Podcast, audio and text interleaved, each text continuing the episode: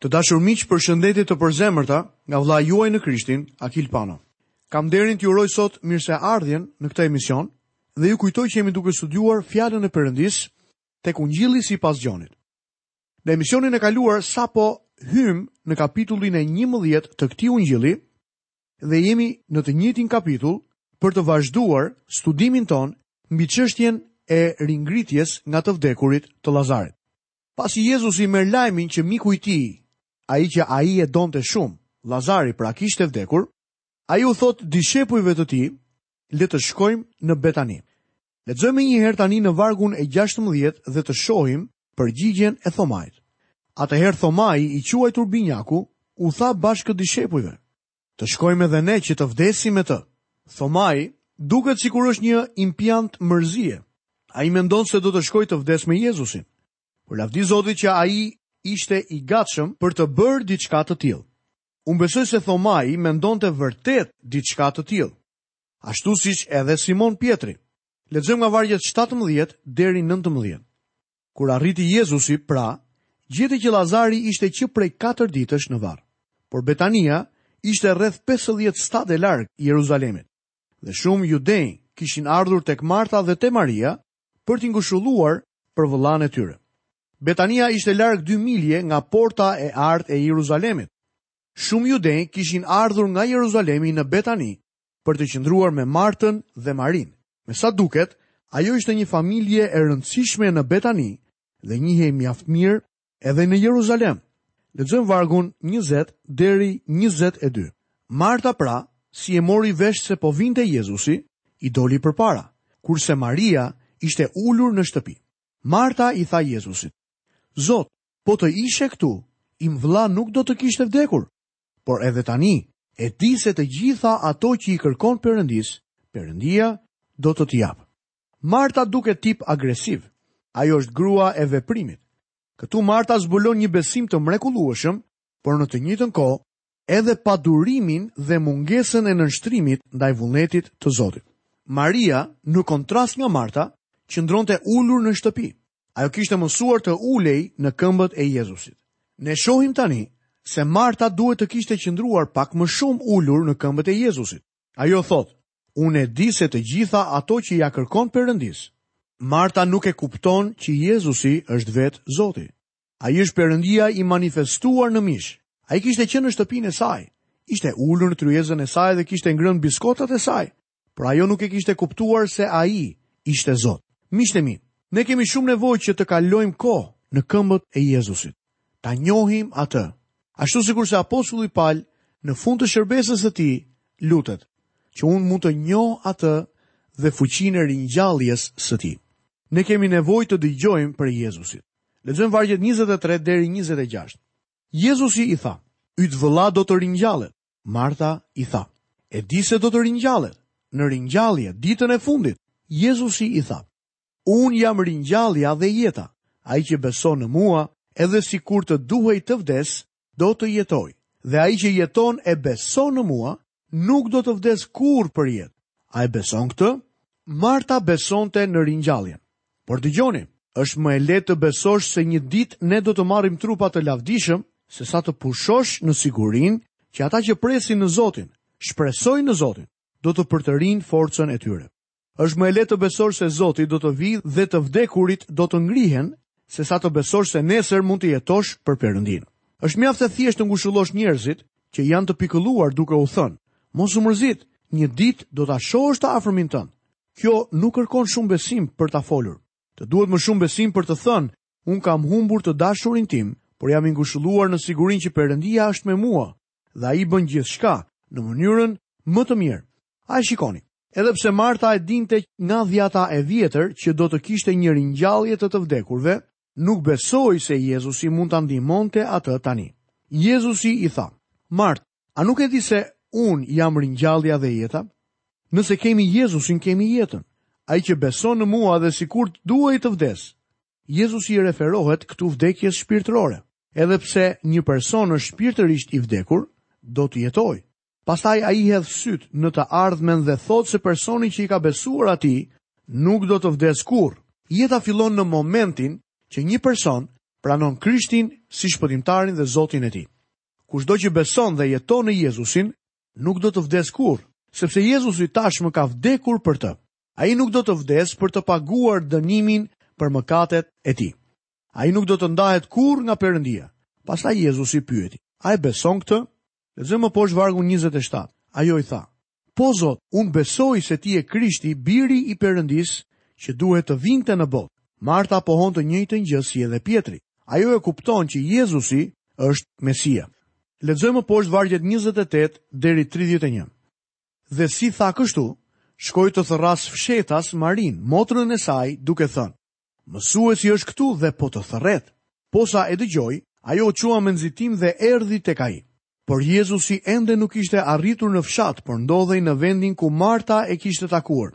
Prandaj judenjtë që ishin me të në shtëpi, për ta ngushëlluar, kur panë se Maria u çua me nxitim dhe doli, e ndoqën duke thënë, Ajo po shkon tek varri për të qarë aty.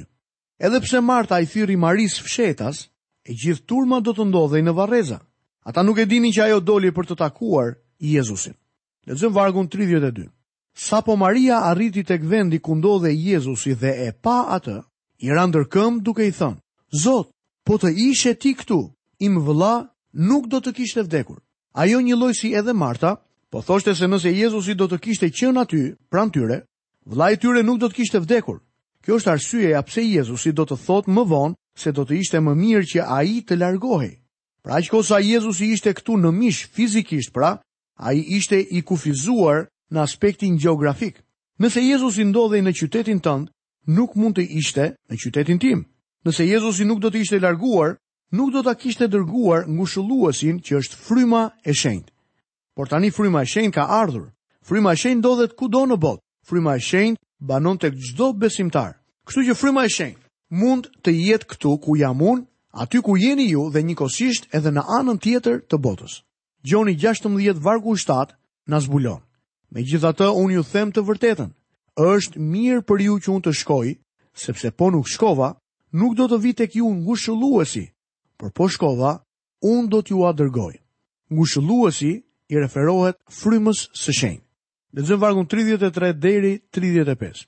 Atëherë Jezusi, kur pa se Ajo dhe judenjtë që kishin ardhur me Të po qanin, u psherëtiu në frymë dhe u trondit, dhe tha, Ku e keni vënë? Ata i thanë, Zot, eja dhe shih! Jezusi qau. Nëse doni ta dini se si ndihet Zoti për vdekjen e njerëzve tuaj, vini re këtë pjesë. Ai psherëtiu në frymë dhe u trondit. Vdekja është një gjë e frikshme. Ju mund të jeni të sigurt që Jezusi bashkohet në keqardhje me njerëzit të cilëve u ndodh një fatkeqësi. Keqardhja e tij ishte për të gjallët. Ai e dinte çfarë do të bënte me të vdekurin. Jezusi qau. Ndërkohë që Ungjilli i Gjonit është shkruar për të na treguar hyjninë e Krishtit, Këtu Jezusi shfaq gjithë anën e tij njerëzore.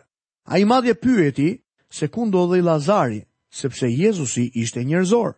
Këtu mund të shohim se si ndihet Zoti në një funeral të ditëve të sotme. Ai përzien lotët e tij me tonat. Ai psherëtin brenda vetes së tij. Ndonjëherë jam disi i paduruar me të krishterët që thonë se nuk duhet qarë në një funeral. Vdekja nuk është e bukur përkundrazi, është e tmerrshme. Jezusi qau kur mori pjesë në funeralin e Lazarit. Lexojmë vargjet 36 dhe 37. Atëherë judenjtë thanë, Shih se sa e donte, por disa nga ata thanë, Ky që i hapi sytë të verbrit, s'mund të bënte që ky të mos vdiste? Judenjtë e keqkuptuan Jezusin. Jezusi nuk qau për Lazarin, ai nuk po qante për të vdekurin, por për të gjallët. Vini re që ata i referohen shërimit të personit të verbër. Me sa duket, kjo gjë la një përshtypje mjaft të madhe tek ata, lexojmë vargjet tridhjetë e tetë deri dyzet. Prandaj Jezusi, përsëri i tronditur përbrenda, erdhi tek varri. Por ky ishte një guvë dhe kishte përpara një gur. Jezusi tha, Hiqni gurin. Marta, motra e të vdekurit, i tha, Zot, ai tashmë qelbet, sepse ka vdekur prej katër ditësh. Jezusi i tha, A nuk të thashë se po të besosh, do të shohësh lavdinë e Perëndisë? Subjekti i vdekjes kapërcehet nga shumë njerëz në ditët e sotme. Sipërmarrësit e funeralit përpiqen me çdo mënyrë që ta bëjnë vdekjen të duket një ngjarje e këndshme. Por le të përballemi hapur me të, ne nuk mund ta mbulojmë atë duke e balsamosur dhe duke pikturuar fytyrën. Duke veshur trupin me rrobat më të mira dhe duke e vendosur në një arkivol me lule përreth. Edhe pse të gjitha këto bëhen për të zbutur gjendjen shokuese, vdekja është diçka e tmerrshme. Marta tha se ai, vëllai i saj, Lazari, ishte varrosur që prej 4 ditësh dhe trupi i tij mund të vinte erë. Dikush mund të mendojë që kjo është diçka jo e këndshme. E pra, vdekja është mizore dhe e tmerrshme. Sigurisht që ky rast ka nevojë për të përjetuar një mrekulli. Lexojmë vargun dyzet e një dhe dyzet e dy. Atëherë ata e hoqën gurin prej vendit ku ishte i shtrirë i vdekuri. Dhe Jezusi i ngriti sytë lart dhe tha: O Atë, të falënderoj që më ke dëgjuar. Unë e dija mirë se ti gjithnjë më dëgjon, por i kam thënë këto për turmën që është përreth, që të besojnë se ti më ke dërguar. Mbani mend se e gjithë kjo ngjarje është për lavdinë e Zotit. Jezusi lutet me zë në mënyrë që t'u thotë njerëzve se do të bëjë vetëm vullnetin e Atit në mënyrë që Ati të marrë lavdinë. Jezusi e shpreh lutjen e tij me zë për përfitimin e atyre që janë prezent. Lexojmë vargjet 43 dhe 44. Dhe mbasi i tha këto, thirri me zë të lartë, Lazar, eja jashtë! Atëherë i vdekuri doli me duart e këmbët të lidhura me rripa pëlhure dhe me fytyrën të mbështjellë në një rizë. Jezusi u tha atyre, Zgjidheni dhe lëreni të shkojë. Dua të përmend këtu se mendoj që Jezusi ngriti nga vdekja shumë njerëz. Mendoj se turma të tëra njerëzish u shëruan me qindra të verbër fituan shikimin e tyre. Ungjijtë regjistrojnë vetëm pak ngjarje për ne. Vini re se Lazarit iu kthye jeta në trupin e vjetër. Ai doli me duart dhe këmbët e lidhura me rrobat e varrit. Kur Zoti ynë u ringjall nga të vdekurit, i la atje rrobat me të cilat e kishin mbështjellë. Ai doli prej tyre. Pse? Sepse Jezusi doli me një trup të lavdishëm. Nuk ishte e nevojshme që njerëzit të lëviznin gurin për të dalë Jezusi nga varri. Ai gur u rrokullis kështu që njerëzit të mund të hynin brenda dhe të shihnin se varri ishte bosh. Trupi i tij i lavdishëm mund të largohej nga varri i vulosur dhe mund të hynte në një dhomë që i kishte të gjitha dyert e mbyllura. Kjo është një pamje e mrekullueshme e shpëtimit. Ne ishim të vdekur në shkelje dhe mëkate, të vdekur për Zotin, por tani u bëmë të gjallë për Zotin në Krishtin Jezus, por gjithsecili prej nesh mbahet nga ato rroba varri. Tek letra drejtuar romakëve 7, vargu 15 dhe vargu 24, apostulli Pal tha, Sepse nuk bëj atë që dua, por bëj atë që urrej. Oh, njeri i mjerë që jam. Ky që po fliste nuk ishte i pashpëtuar, ai ishte besimtar, Jezusi dëshiron të jemi të lirë nga ato rroba të vdekurish. Ai thotë, "Zgjidheni dhe lëreni të shkojë." Lexojmë vargjet 45 dhe 46. Atëherë shumë nga judenjtë që kishin ardhur tek Maria dhe kishin parë gjithçka që kishte bërë Jezusi, besuan në të.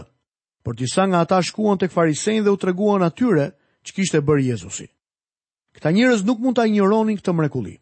Ishte një vepër e fuqishme. Ndoshta mund të habiteni që mësoni se ky është fundi i shërbesës publike të Jezusit, kur shihni se jemi vetëm në mes të shenjave të Ungjillit të Gjonit. Shërbesa e tij publike filloi kur Gjon Pagëzori e quajti qengji i Perëndisë dhe mbyllet me ngritjen e Lazarit nga të vdekurit. Siç e shihni, Gjoni shpenzon pothuajse të njëjtën kohë si në dyzet e tetë orët e fundit të jetës së tij, ashtu edhe në tridhjetë e dy vitet, njëmbëdhjetë muajt, tre javët dhe pesë ditët e para të jetës së Jezusit. Ky është modeli që përshkruhet nga të gjithë autorët e Ungjijve. Në të katër Ungjijtë gjenden tetëdhjetë e nëntë kapituj së bashku. Katër nga këta kapituj mbulojnë tridhjetë vitet e para të jetës së Jezusit dhe tetëdhjetë e pesë kapitujt tre vitet e fundit të jetës së tij.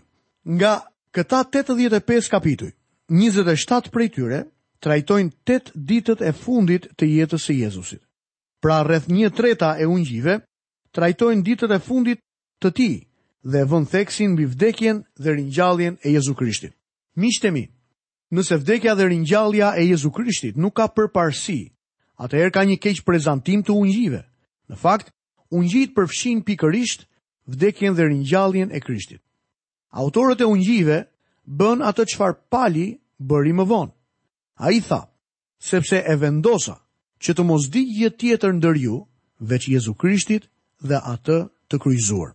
Ndoshta mund të mendoni se kjo mrekulli kurorëzuese do t'i kishte kthyer ata skeptikë, dyshues, jobesimtarë, te Krishti, por në fakt nuk ndodhi kështu. Zoti ynë e kishte thënë edhe më parë, Nëse nuk e dëgjojnë Moisiun dhe profetët, nuk do të binden edhe nëse dikush ringjallet prej së vdekurish.